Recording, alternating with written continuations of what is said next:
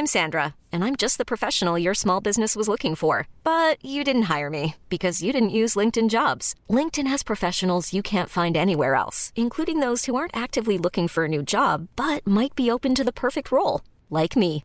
In a given month, over 70% of LinkedIn users don't visit other leading job sites. So if you're not looking on LinkedIn, you'll miss out on great candidates like Sandra. Start hiring professionals like a professional. Post your free job on linkedin.com/achieve slash achieve today. Planning for your next trip? Elevate your travel style with Quince. Quince has all the jet-setting essentials you'll want for your next getaway, like European linen, premium luggage options, buttery soft Italian leather bags, and so much more. And it's all priced at 50 to 80% less than similar brands. Plus, Quince only works with factories that use safe and ethical manufacturing practices. Pack your bags with high-quality essentials you'll be wearing for vacations to come with Quince. Go to quince.com slash trip for free shipping and 365-day returns. There's never been a faster or easier way to start your weight loss journey than with PlushCare.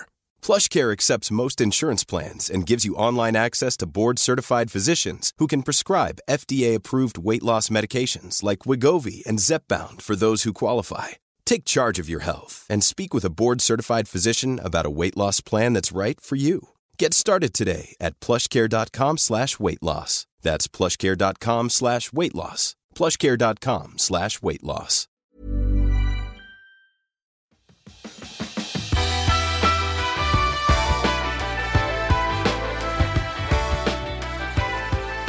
Välkommen till Klimakteriepodden och det 33 avsnittet med mig, Åsa Medin. Efter förra avsnittet så finns det fortfarande obesvarade frågor när det gäller sömnen. Så vi hoppar rakt in i det här avsnittet. Jag är ju nyfiken på melatoninets roll, sömnappar, kaffe, alkohol med mera. Så välkommen att lära dig mer för att optimera dina chanser för att sova bättre.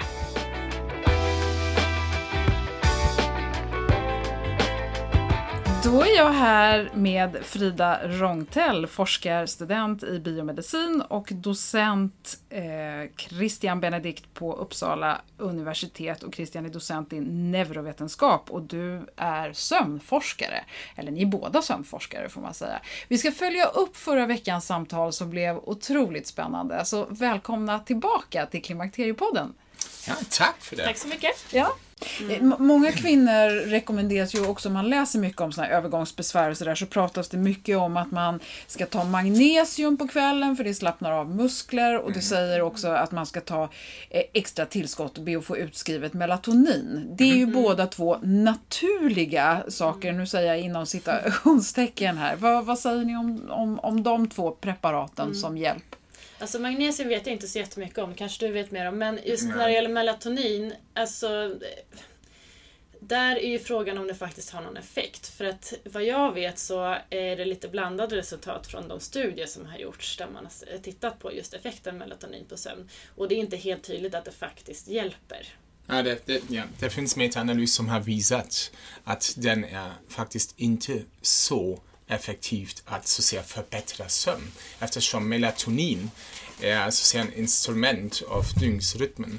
Att, så säga, att, du, att du kan tolka nu är det dags för att ha min vilotid ja, och om melatonin går ner, där vet kroppen nu är det där och solljus kommer ut som solljusen kan och blåljus kan minska melatoninproduktion och um, um, igångsätta produktion av ämnen som är väldigt viktigt för att vara pigg aktivt. Ja. Melatonin är mer viktigt för att tajma sömn istället för att förbättra sömn. Förstår vad jag menar? Det är en mm, skillnad. Mm, okay. Så du kan inte ta melatonin och förvänta dig, nu har jag en god natts sömn. Men ändå vill jag säga något kring melatonin eftersom jag tycker melatonin är en väldigt spännande ämne eftersom melatonin, om vi tänker bara på en fysiologisk sätt så vi inte tar en läkemedel, vi kollar bara när frisätter vi melatonin. Jag har sagt det, när det blir mörkt under kvällstimmarna brukar vi frisätta melatonin om solen går ner. Vi inte har på samma, um, på samma utsträckning den här blått frisätts melatonin. Och melatonin har många intressanta effekter i kroppen. Den till exempel stöder immunfunktion. Den till exempel också um, stöd, har en väldigt stark antioxidativ effekt som är bra för hjärtat. Ja? Så det verkar på olika sätt på de olika organ som vi har och också bidrar till de här effekterna som vi vet ja, som vi kopplar till sömn, som vi kallas återhämtande effekter. Att till exempel också tarmen kan ta hand om sig, den här exponeras hela dagen till mat och måste då så att säga um, ja, städa sig själv för att um, skapa de förutsättningar att du då exponeras igen till mat nästa vakenperiod. Alla de här olika effekterna um, ja, involverar också melatonin. Så jag tror att melatonin kan vara väldigt givande med tanke på när du inte själv kan då längre frisätta, frisätta tillräckligt melatonin under kvällstimmarna. Och en stor effekt um, och en, en, en faktor som minskar frisättningen av melatonin i livet är åldrande. Så egentligen kan man tänka sig att det skulle vara bra att så att säga tillägga lite melatonin under kvällstimmarna och natten. Framförallt sån melatoninprodukt som försöker imitera så att säga den naturligt melatoninfrisättningen under natten. Och finns det? Det finns, ja problematiken. Jag måste verkligen tillägga detta att folk inte nu slutsatser på grund av detta. Jag ska ta, jag ska ta melatonin hela tiden. Ja. Tänk på fysiologin. Vi frisätter melatonin under kvällstimmarna och över natten. Men vi inte gör det under dagen. Så du kan inte se, om du till exempel är i USA, jag köper mig melatonin och Christian har sagt det är ju jättebra för kroppen, så jag tar det hela tiden. Förstår vad jag menar? Ja, det är viktigt att du tar melatonin också till en tidsfönster när det gäller. Men, det... men hur, alltså för nu, nu kommer vi in på det. Du, du får det låta som melatonin är någonting man ska ta. Eh, hur vet man om man har tillräckligt med melatonin så man inte behöver några tillägg? Mm -hmm. Men det kan till exempel också, en, om du går till vård, man kan mäta till exempel i, in, vad heter det, urin, heter det så på svenska? Mm, precis, där kan du mäta också um, ämnen som frisätts när metabolin bryts ner. Jag ser inte att alla skulle ta nu melatonin igen eftersom det finns många som fortfarande frisätter tillräckligt melatonin. Ja. Och det finns också den här livsstil, så säga, faktorer som skapar ljus bästa förutsättningar. Mm. Frida har sagt det. Undvika då ljus under kvällen. Men vi gör inte det längre, eller hur? Vi har ganska mycket... Nej, men sen har vi också, vi bor ju i ett land ja. som är ganska besvärligt Precis. med ljus eh, halva året. Mm. Hur, hur, ska man gå in då och dra ner rullgardinen eller vad, vad, ska man göra? Ja, det är en svår fråga. Och det, alltså, det finns ju säsongsskillnader i hur vi sover och det är ju någonting som är naturligt mer eller mindre. Vi sover ju ofta mer på vintern än på sommaren och vi är mer piggare på sommaren. Eh, så ja, det är lite svårt hur man kan tänka där men ja, man kan försöka på sommaren att man ändå försöker ha det ganska mörkt som det går på kvällen. Yes. Eh, och sen på vintern att man försöker verkligen ta tillvara på det ljuset som ändå finns. Att de timmarna som det är ljus, försök gå ut. Och har man inte möjlighet att gå ut, ja men försök sitta vid ett fönster i alla fall ha så ljust som möjligt. Mm. Och att man sen försöker att tänka på att nej, men på kvällen då ska jag försöka ha det så mörkt som möjligt. Mm. Eh, och bara ha någon mindre lampa med lite ja, rödare-aktigt ljus. Och, eh, ja, så att man försöker hålla en så bra dygnsrytm som möjligt.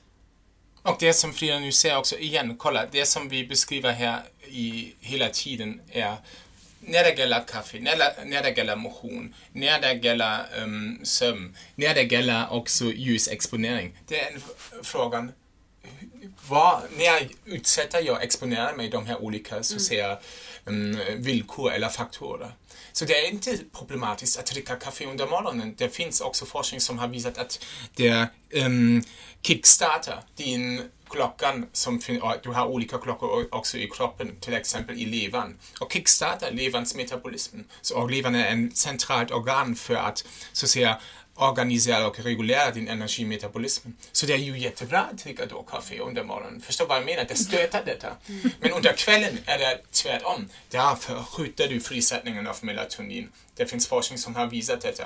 Då kan koffein tävla med något ämne i hjärnan som meddelar tröttheten och det är dags att sova. Visst, det finns vissa skillnader mellan individer. Vissa säger jag är jättekänslig, så jag kan inte säga du måste dricka kaffe, men du förstår vad jag menar mm, mm. i genomsnitt. Men under kvällen är det inte bra. Ljus under morgonen är mm. jättebra för att stärka din inre klockan och eh, får um, signalera inre klockan, nu är det dags att vara aktiv. Då kommer klockan tvärtom under kvällen tolkar detta, okej, okay, nu är det dags att varva ner. Mm. Men ljus under kvällen är jätteproblematiskt. Mm. Eftersom ljus då förskjuter frisättningen av melatonin. Ljus i sig är, vad heter det, gör dig pickare. Man och samma sak med om man tänker fysisk aktivitet. Ja, man precis. säger ju generellt liksom, fysisk aktivitet är bra.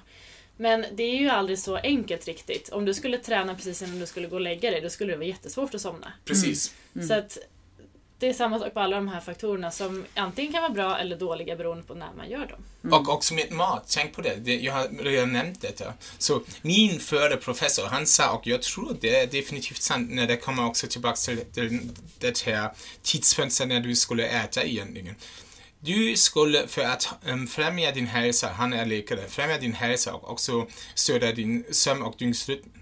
Ät som en kung på morgonen. ät som en prins när du har lunch och ät som en fattig man när du har din um, middag.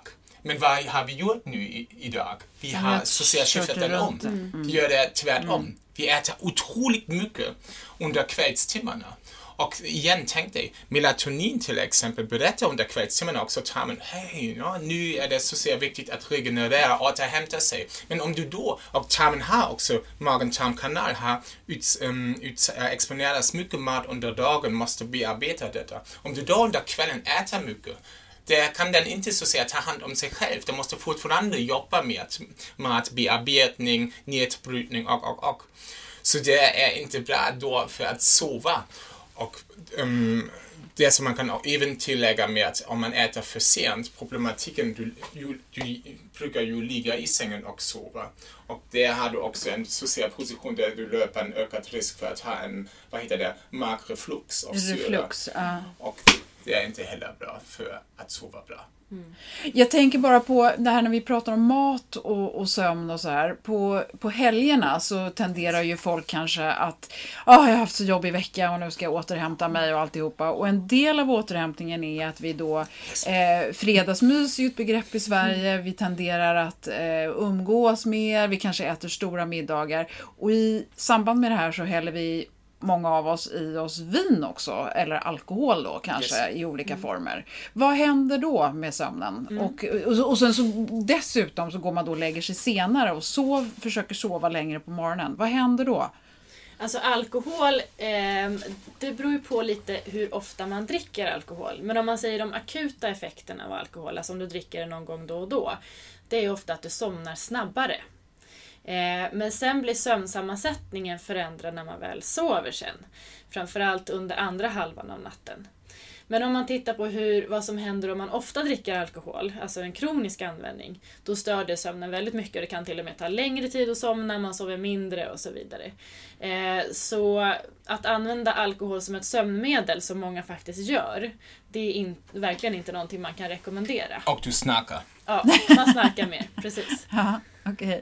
Men eh, om man nu är en normaldrickare, det vill säga man dricker något glas vin då och då eh, och sen så kanske det blir lite mer under helgen. Mm. Hur, hur, hur är det hur kopplar det till sömnen då? Mm. Ja men det kan ju kanske göra då att man somnar lite snabbare men sen kan själva sömnsammansättningen vara störd under natten.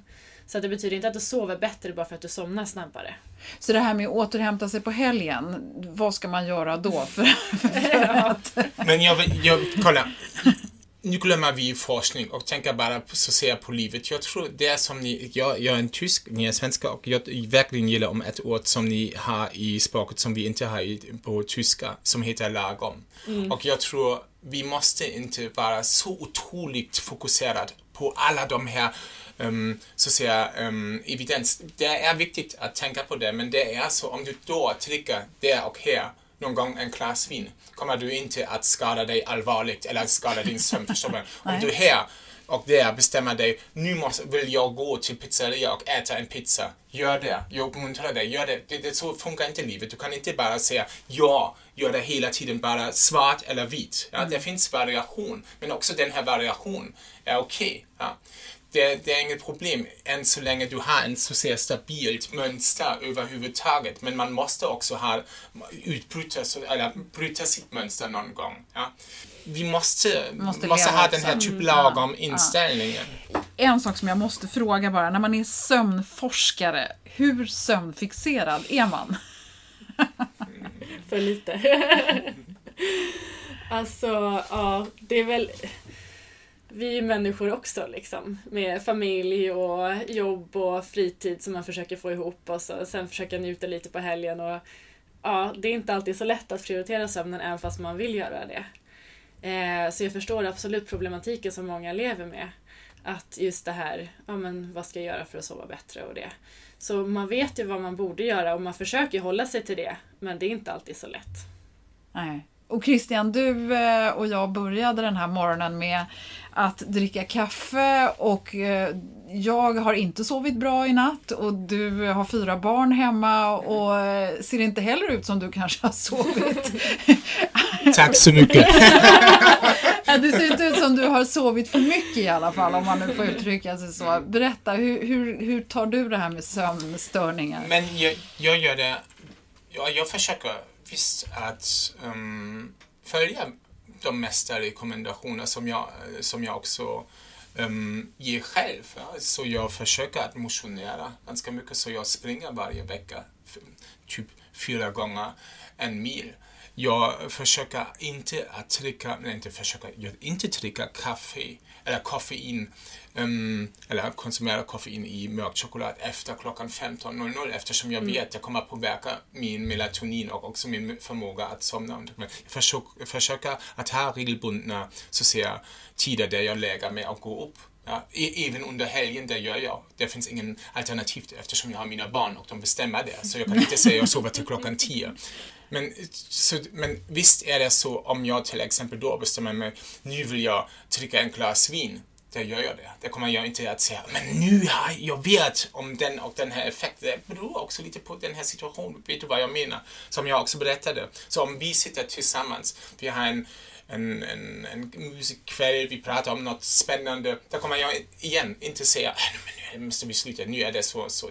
Man måste ha den här typ flexibilitet. Och det som jag också försöker är, jag kollar på min sömn så även om jag inte lyckas sova, som en väldigt givande grej, och jag tänker, när jag tänker kring sömn om glaset är halvfullt istället för det är halvt tomt. Mm. Och jag tror det är väldigt viktigt eftersom jag vet, det beror lite kanske också lite på personlighet, men det är så att ganska många har den här schablontänkande, om jag inte sover som jag försökte så att säga lyfta i början av vårt samtal. Det är så um, ångestframkallande. och jag kommer att utveckla alla olika sjukdomar. Jag läser hela tiden i de olika tidningarna hur allvarligt det är. Jag försöker verkligen så se, se det tvärtom. Hej, jag tar hand om mig själv. Jag försöker att koppla av mig av alla de här sociala inverkan som jag har under dagen och även om jag inte lyckas att sova är det givande och jag måste faktiskt erkänna, det är ibland så att jag har ganska bra idéer i natten. Det är också på grund av dygnsrytmen och klockan att man har den här mer emotionellt inrikt, inriktat så att säga tänkande mm. under nattimmarna och det finns också något som kallas insomni-kreativitet. Mm. Så det är inte bara um, jätte, jättefarligt och dödligt om man inte sover så bra.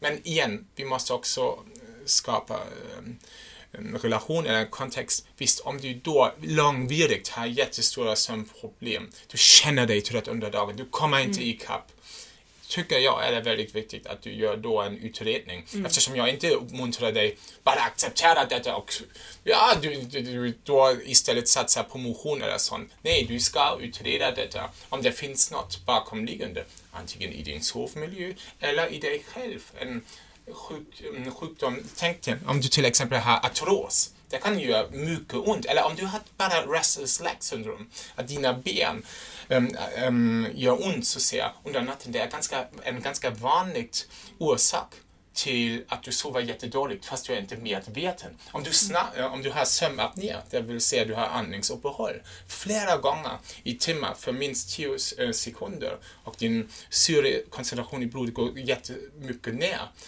det är som en fight and flight situation för kroppen. Men du inte kommer att vakna, men du har en jätteytlig øh, sömnkvalitet. Mm. Nej, jag, nej, men jag förstår absolut. Jag skulle bara vilja tillägga att alltså, man ska ju tänka på det vi sa, att ja, men sömnen förändras med åldern, så man kan ju förvänta sig att den blir annorlunda. Men att gå runt och vara trött och må dåligt och känna att man inte har ork till någonting, det är inte en normal del av Precis. åldrandet. Då ska man ju söka hjälp. There's never been a faster or easier way to start your weight loss journey than with PlushCare. PlushCare accepts most insurance plans and gives you online access to board-certified physicians who can prescribe FDA-approved weight loss medications like Wigovi and Zepbound for those who qualify. Take charge of your health and speak with a board-certified physician about a weight loss plan that's right for you. Get started today at plushcare.com slash weight loss. That's plushcare.com slash weight loss. plushcare.com slash weight loss. Hey, it's Ryan Reynolds, and I'm here with Keith, co-star of my upcoming film, If, only in theaters May 17th. Do you want to tell people the big news? All right, I'll do it. Sign up now and you'll get unlimited for $15 a month in six months of Paramount Plus Essential Plan on us. Mintmobile.com slash switch. Upfront payment of $45 equivalent to $15 per month. Unlimited over 40 gigabytes per month. Face lower speeds. Videos at 480p. Active Mint customers by 531.24 get six months of Paramount Plus Essential Plan. Auto renews after six months. Offer ends May 31st, 2024. Separate Paramount Plus registration required. Terms and conditions apply if rated PG. Wow. Nice. Yeah. What you're hearing are the sounds of people everywhere putting on Bombas socks, underwear, and t-shirts made from absurdly soft materials that feel like plush clouds. Yeah, that plush.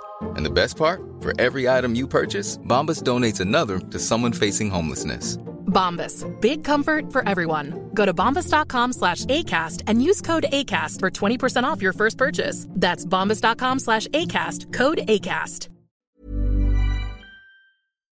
Det är härligt att klimakteriets tabu äntligen är på väg bort. Vill man försöka klara sig utan hormonbehandling så finns nu många nya kosttillskott som lovar bland annat hormonell balans och som ska stötta brister. Jag vill lyfta min räddare i nöden, femarell.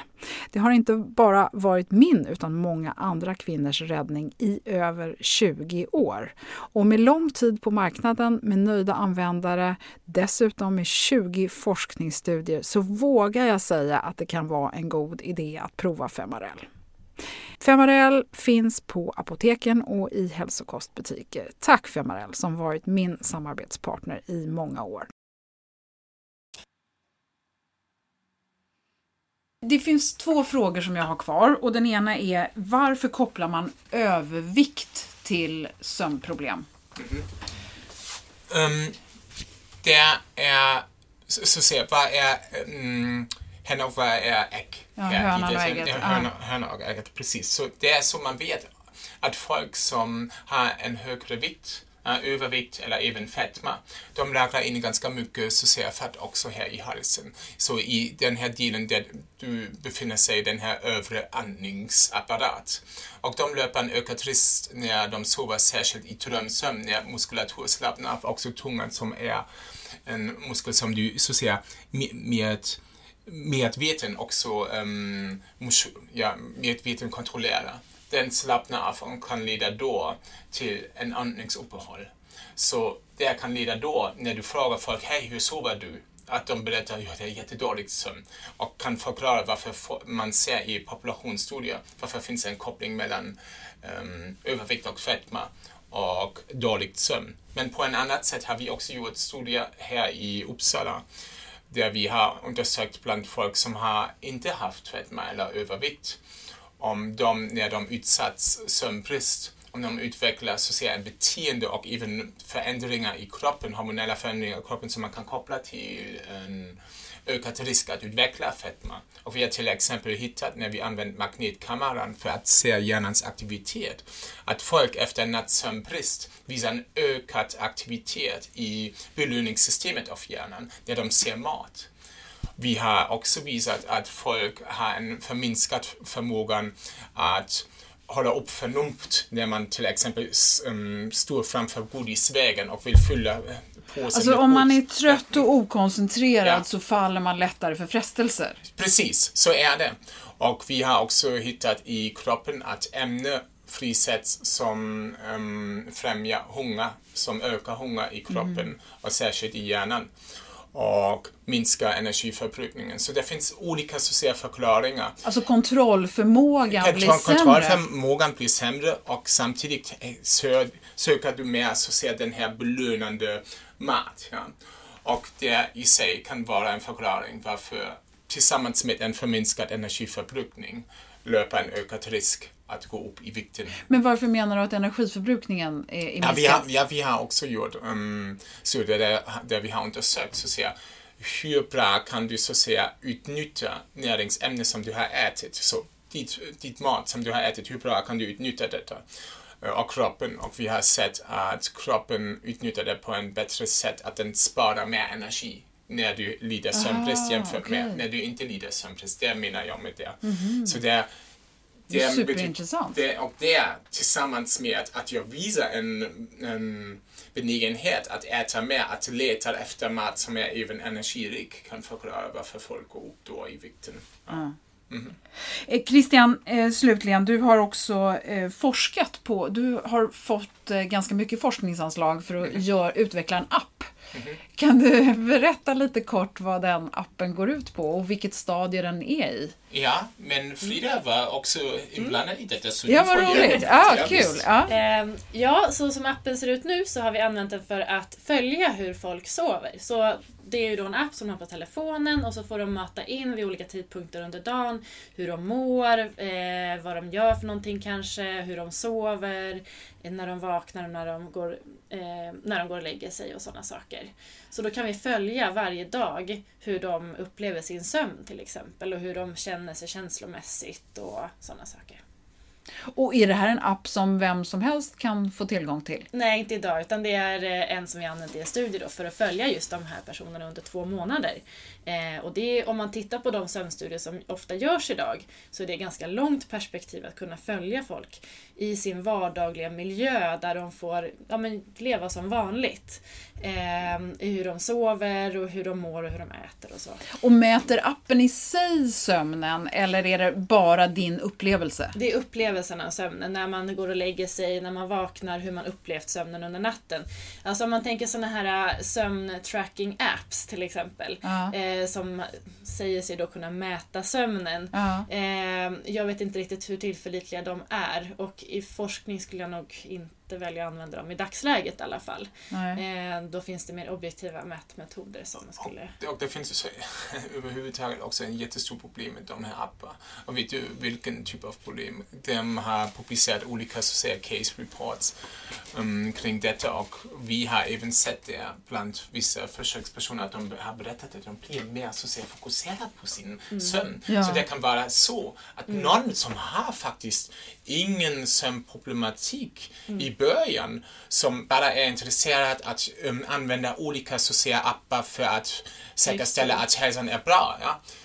kommer att använda detta och berätta då efter, men då har jag utvecklat otroligt mycket sömnproblematik eftersom jag blir så fokuserad och blir jättestressad. Så det, och det finns faktiskt även publikationer kring detta, att folk på grund av användningen av en app blir Ja, utveckla en sömnstörning. Och det är inte så överraskande eftersom när du tänker tillbaks, det som jag har berättat i början, ja, mat, det kan vi påverka medveten, motion kan vi påverka medveten, men sömn, det kan vi inte. Men vi vet ju så mycket om de här hälsoeffekterna av sömn och sömnbrist, de här ohälsoeffekterna. Så om du då har så en app som betyder men nu har du inte sovit så långt, nu har du inte gjort det. Det kan vara väldigt stressande. Spännande. Och jag kan till och med tänka mig att eh, alltså om man har en väckarklocka eller en klocka inne i sitt sovrum, att just att kunna se tiden kan vara ganska stressande också om vi går tillbaka till det här med sömnstörningar. Eh, jag vet när jag fick min dotter och hon vaknade varje 40 minuter och ville äta hela natten. Jag var tvungen att ta ut klockan ur rummet just för att den här stressen att jag inte får sömn, att den inte skulle ta över. För det tror jag är bland det viktigaste. Den, den stressen och den oron och ångesten får inte ta över för då blir det problem. Och då kunde jag liksom få den lilla sömnen som jag kunde få och känna att nej men det, det funkar ändå, det här är tillfälligt, det är övergående. Och med en sån inställning så gick det bra i alla fall. Och det finns ju också många så att säga um, mysterier kvar som vi har inte kartlagt inom sömnforskningsfältet. Och en till exempel är att folk fast de sover jättebra enligt så att säga, objektiva kriterier. Du gör en sömnutredning, du använder elektroder för att mäta de här olika sömnfaserna och du mäter så att säga, hur mycket de har sovit i de olika sömnfaserna och deras sömnkvalitet och du kommer till slutsats det var jättebra. Sen frågar du dem nästa dag, inte direkt efter de har vaknat eftersom det kan, du påverka, det kan påverka så att säga, hur du uppfattar din sömn, men även senare, hur har varit din sömn? Säger de det var jättedåligt. Men tvärtom finns också folk som enligt din sömnutredning har sovit jättedåligt och du frågar dem under dagen flera gånger hur har du sovit och de säger jag har sovit jättebra. Ja. Så det, vi förstår inte riktigt vad leder så säga, till den här um, personligt upplevelse av sömn Förstår vad jag menar? Och hur mm. vi så att säga, bedömer också våran sömn. Mm. Det är jätte, jättesvårt. Man vet till exempel, ja, du har gjort det med mig, ja. du hade påverkat mig hela dagen, att när folk ger dig en feedback, det är ganska viktigt, du säger men du ser jättetrött ut, då kommer du att slutsatsa.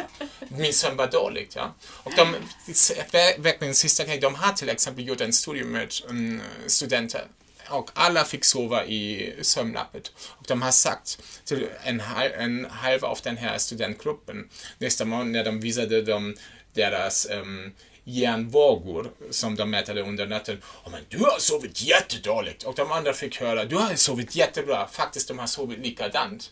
Och sen gjorde de en arbetsminnetest. Och de som fick höra att de gjorde betydligt sämre, de presterade också sämre. Aha. Så du ser, det är väldigt ja, det är viktigt med den här psykologiskt. Feed, så psykologiskt, mm. den här feedback som vi får. Mm. Men ändå är det en mysterium. Varför är det så att vi kan inte så säga one-to-one koppla det som vi mäter med hjälp av teknik och det som du upplever. Mm. Det är jätte, jättesvårt. Frida, vi ska komma in lite på minnet också, för hjärnan påverkas ju av sömnbrist. Precis.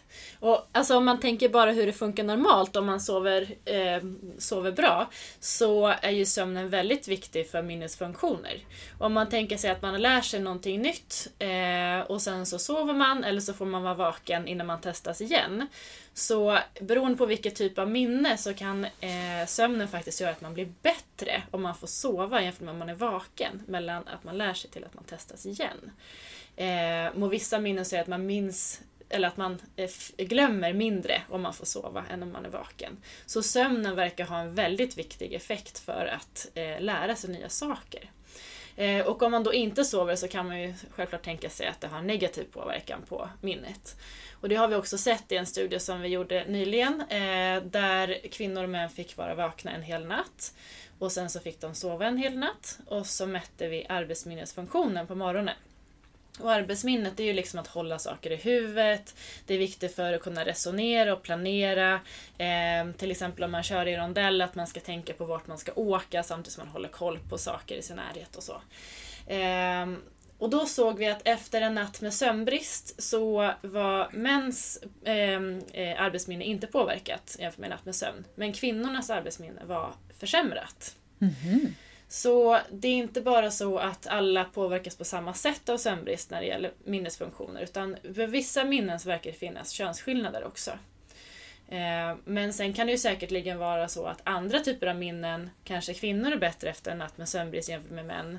Sista grejen med tanke på minnet, det som är också ganska viktigt, det som vi gör ju ganska mycket när vi är vaken är att vi bearbetar otroligt mycket information, eller hur? Men också mycket information som är inte så relevant för, för mm. oss, för oss i framtiden. Och du kan inte behålla all den här informationen, men det ändå kommer så stimulera hjärnan och det kostar mycket energi för hjärnan. Så när du sover, det som också händer, särskilt när du befinner dig då i djupsömn, är att de mesta nya kopplingar som har um, skapats på grund av alla de här olika sinnesintryck, de tas bort. Så säger, och på grund av detta skapar också de förutsättningar att du då har de bästa förutsättningarna att lära dig något nytt eller bearbeta ny information nästa mm. Så det är inte bara att du mm. befäster minnet när du sover. Det är också viktigt med som att du kan um, rensa bort, bort, ta mm. bort information mm. som är icke-relevant för dig. Ja. Mm. Och en, ytterligare en sista sak yes. eh, som jag kommer att tänka på att alltså sömnen är viktig för att generalisera kunskap. Yes. För att det vi lär oss, det kanske vi lär oss på ett visst sätt. Men så här är det. Men sen är det viktigt att sen kunna applicera den kunskapen till nya saker. Även om de inte är exakt som det som man lärde sig första gången. Så det sömnen också gör är att skapa någon typ av falska minnen. Och det kan man ju tänka sig att det behöver inte vara någonting dåligt. Nej. Utan det här är ju någonting som främjar att vi ska kategorisera olika saker, man ska kunna generalisera och sen kunna applicera det på olika saker. För att fungera bättre i vardagen. Och den sista, sista i samband med detta är att man har också hittat att folk när de till exempel utsatts en intellektuellt problem, en till exempel matematiskt problem, och det finns ett visst mönster som man kunde se, men du har inte berättat om um, att det finns ett mönster. Och sen får de sova eller inte sova. Där ser du när de sover på saken och därefter um, testas igen att mer folk ser då när de har sovit, jag ser det här mönster.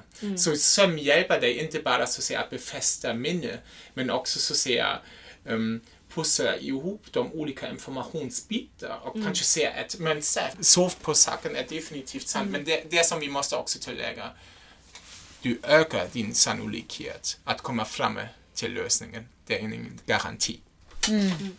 Det är otroligt spännande. Så att jag avslutar med att be om ursäkt Christian. För att jag har förstört din dag. Eh, men nu ser du väldigt pigg ut efter, efter att ha druckit Efter din... kanna kaffe, precis. Och eh, jag är jätteglad för att Frida och Christian, att ni tog er tid här idag. Eh, för mig så känns det som att jag ska sluta vara så fixerad. För att jag tittar på klockan jättemycket och funderar varje morgon på hur mycket jag har sovit och hur bra jag har sovit. Det ska jag sluta med. Jag ska bara fundera på hur jag känner mig istället. Det låter som en bra idé. Jättebra, tack igen. Tack! Tack. En fråga som lämnades lite hängande i luften här var huruvida magnesium kan förbättra sömnen. Och Christian har rekommenderat ett par artiklar som ni kan hitta länkar till på hemsidan klimakteriepodden.se och Facebook-sidan. I nästa avsnitt så medverkar samtalsterapeuten Daniela Gordon. Hon är aktuell bland annat med boken Kärlek på allvar. Och hon ska ge oss värdefull insikt i varför vi lätt hamnar i stress, oro, deppighet och ilska under våra klimakterieår. Och vi får rådet att inventera våra inre och se vad vi behöver stärka och släppa för att kunna acceptera oss själva, vår ålder och kanske ta tag i vår livssituation. Hoppas du är med snart igen och tills dess så önskar jag dig god sömn. Hej då!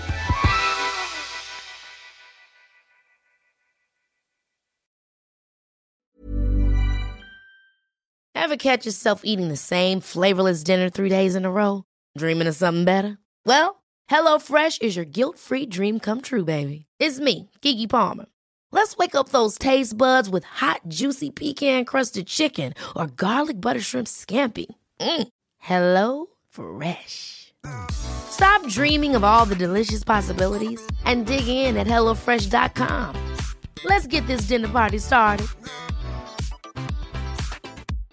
Imagine the softest sheets you've ever felt. Now imagine them getting even softer over time. That's what you'll feel with Bowl and Branch's organic cotton sheets. In a recent customer survey, 96% replied that Bowl and Branch sheets get softer with every wash. Start getting your best night's sleep in these sheets that get softer and softer for years to come. Try their sheets with a 30-night guarantee. Plus, get 15% off your first order at bowlandbranch.com. Code BUTTERY. Exclusions apply. See site for details. Even when we're on a budget, we still deserve nice things. Quince is a place to scoop up stunning high-end goods for 50 to 80% less than similar brands. They have buttery soft cashmere sweaters starting at $50, luxurious Italian leather bags, and so much more. Plus, Quince only works with factories that use safe, ethical, and responsible manufacturing. Get the high-end goods you'll love without the high price tag with Quince. Go to quince.com slash style for free shipping and 365-day returns.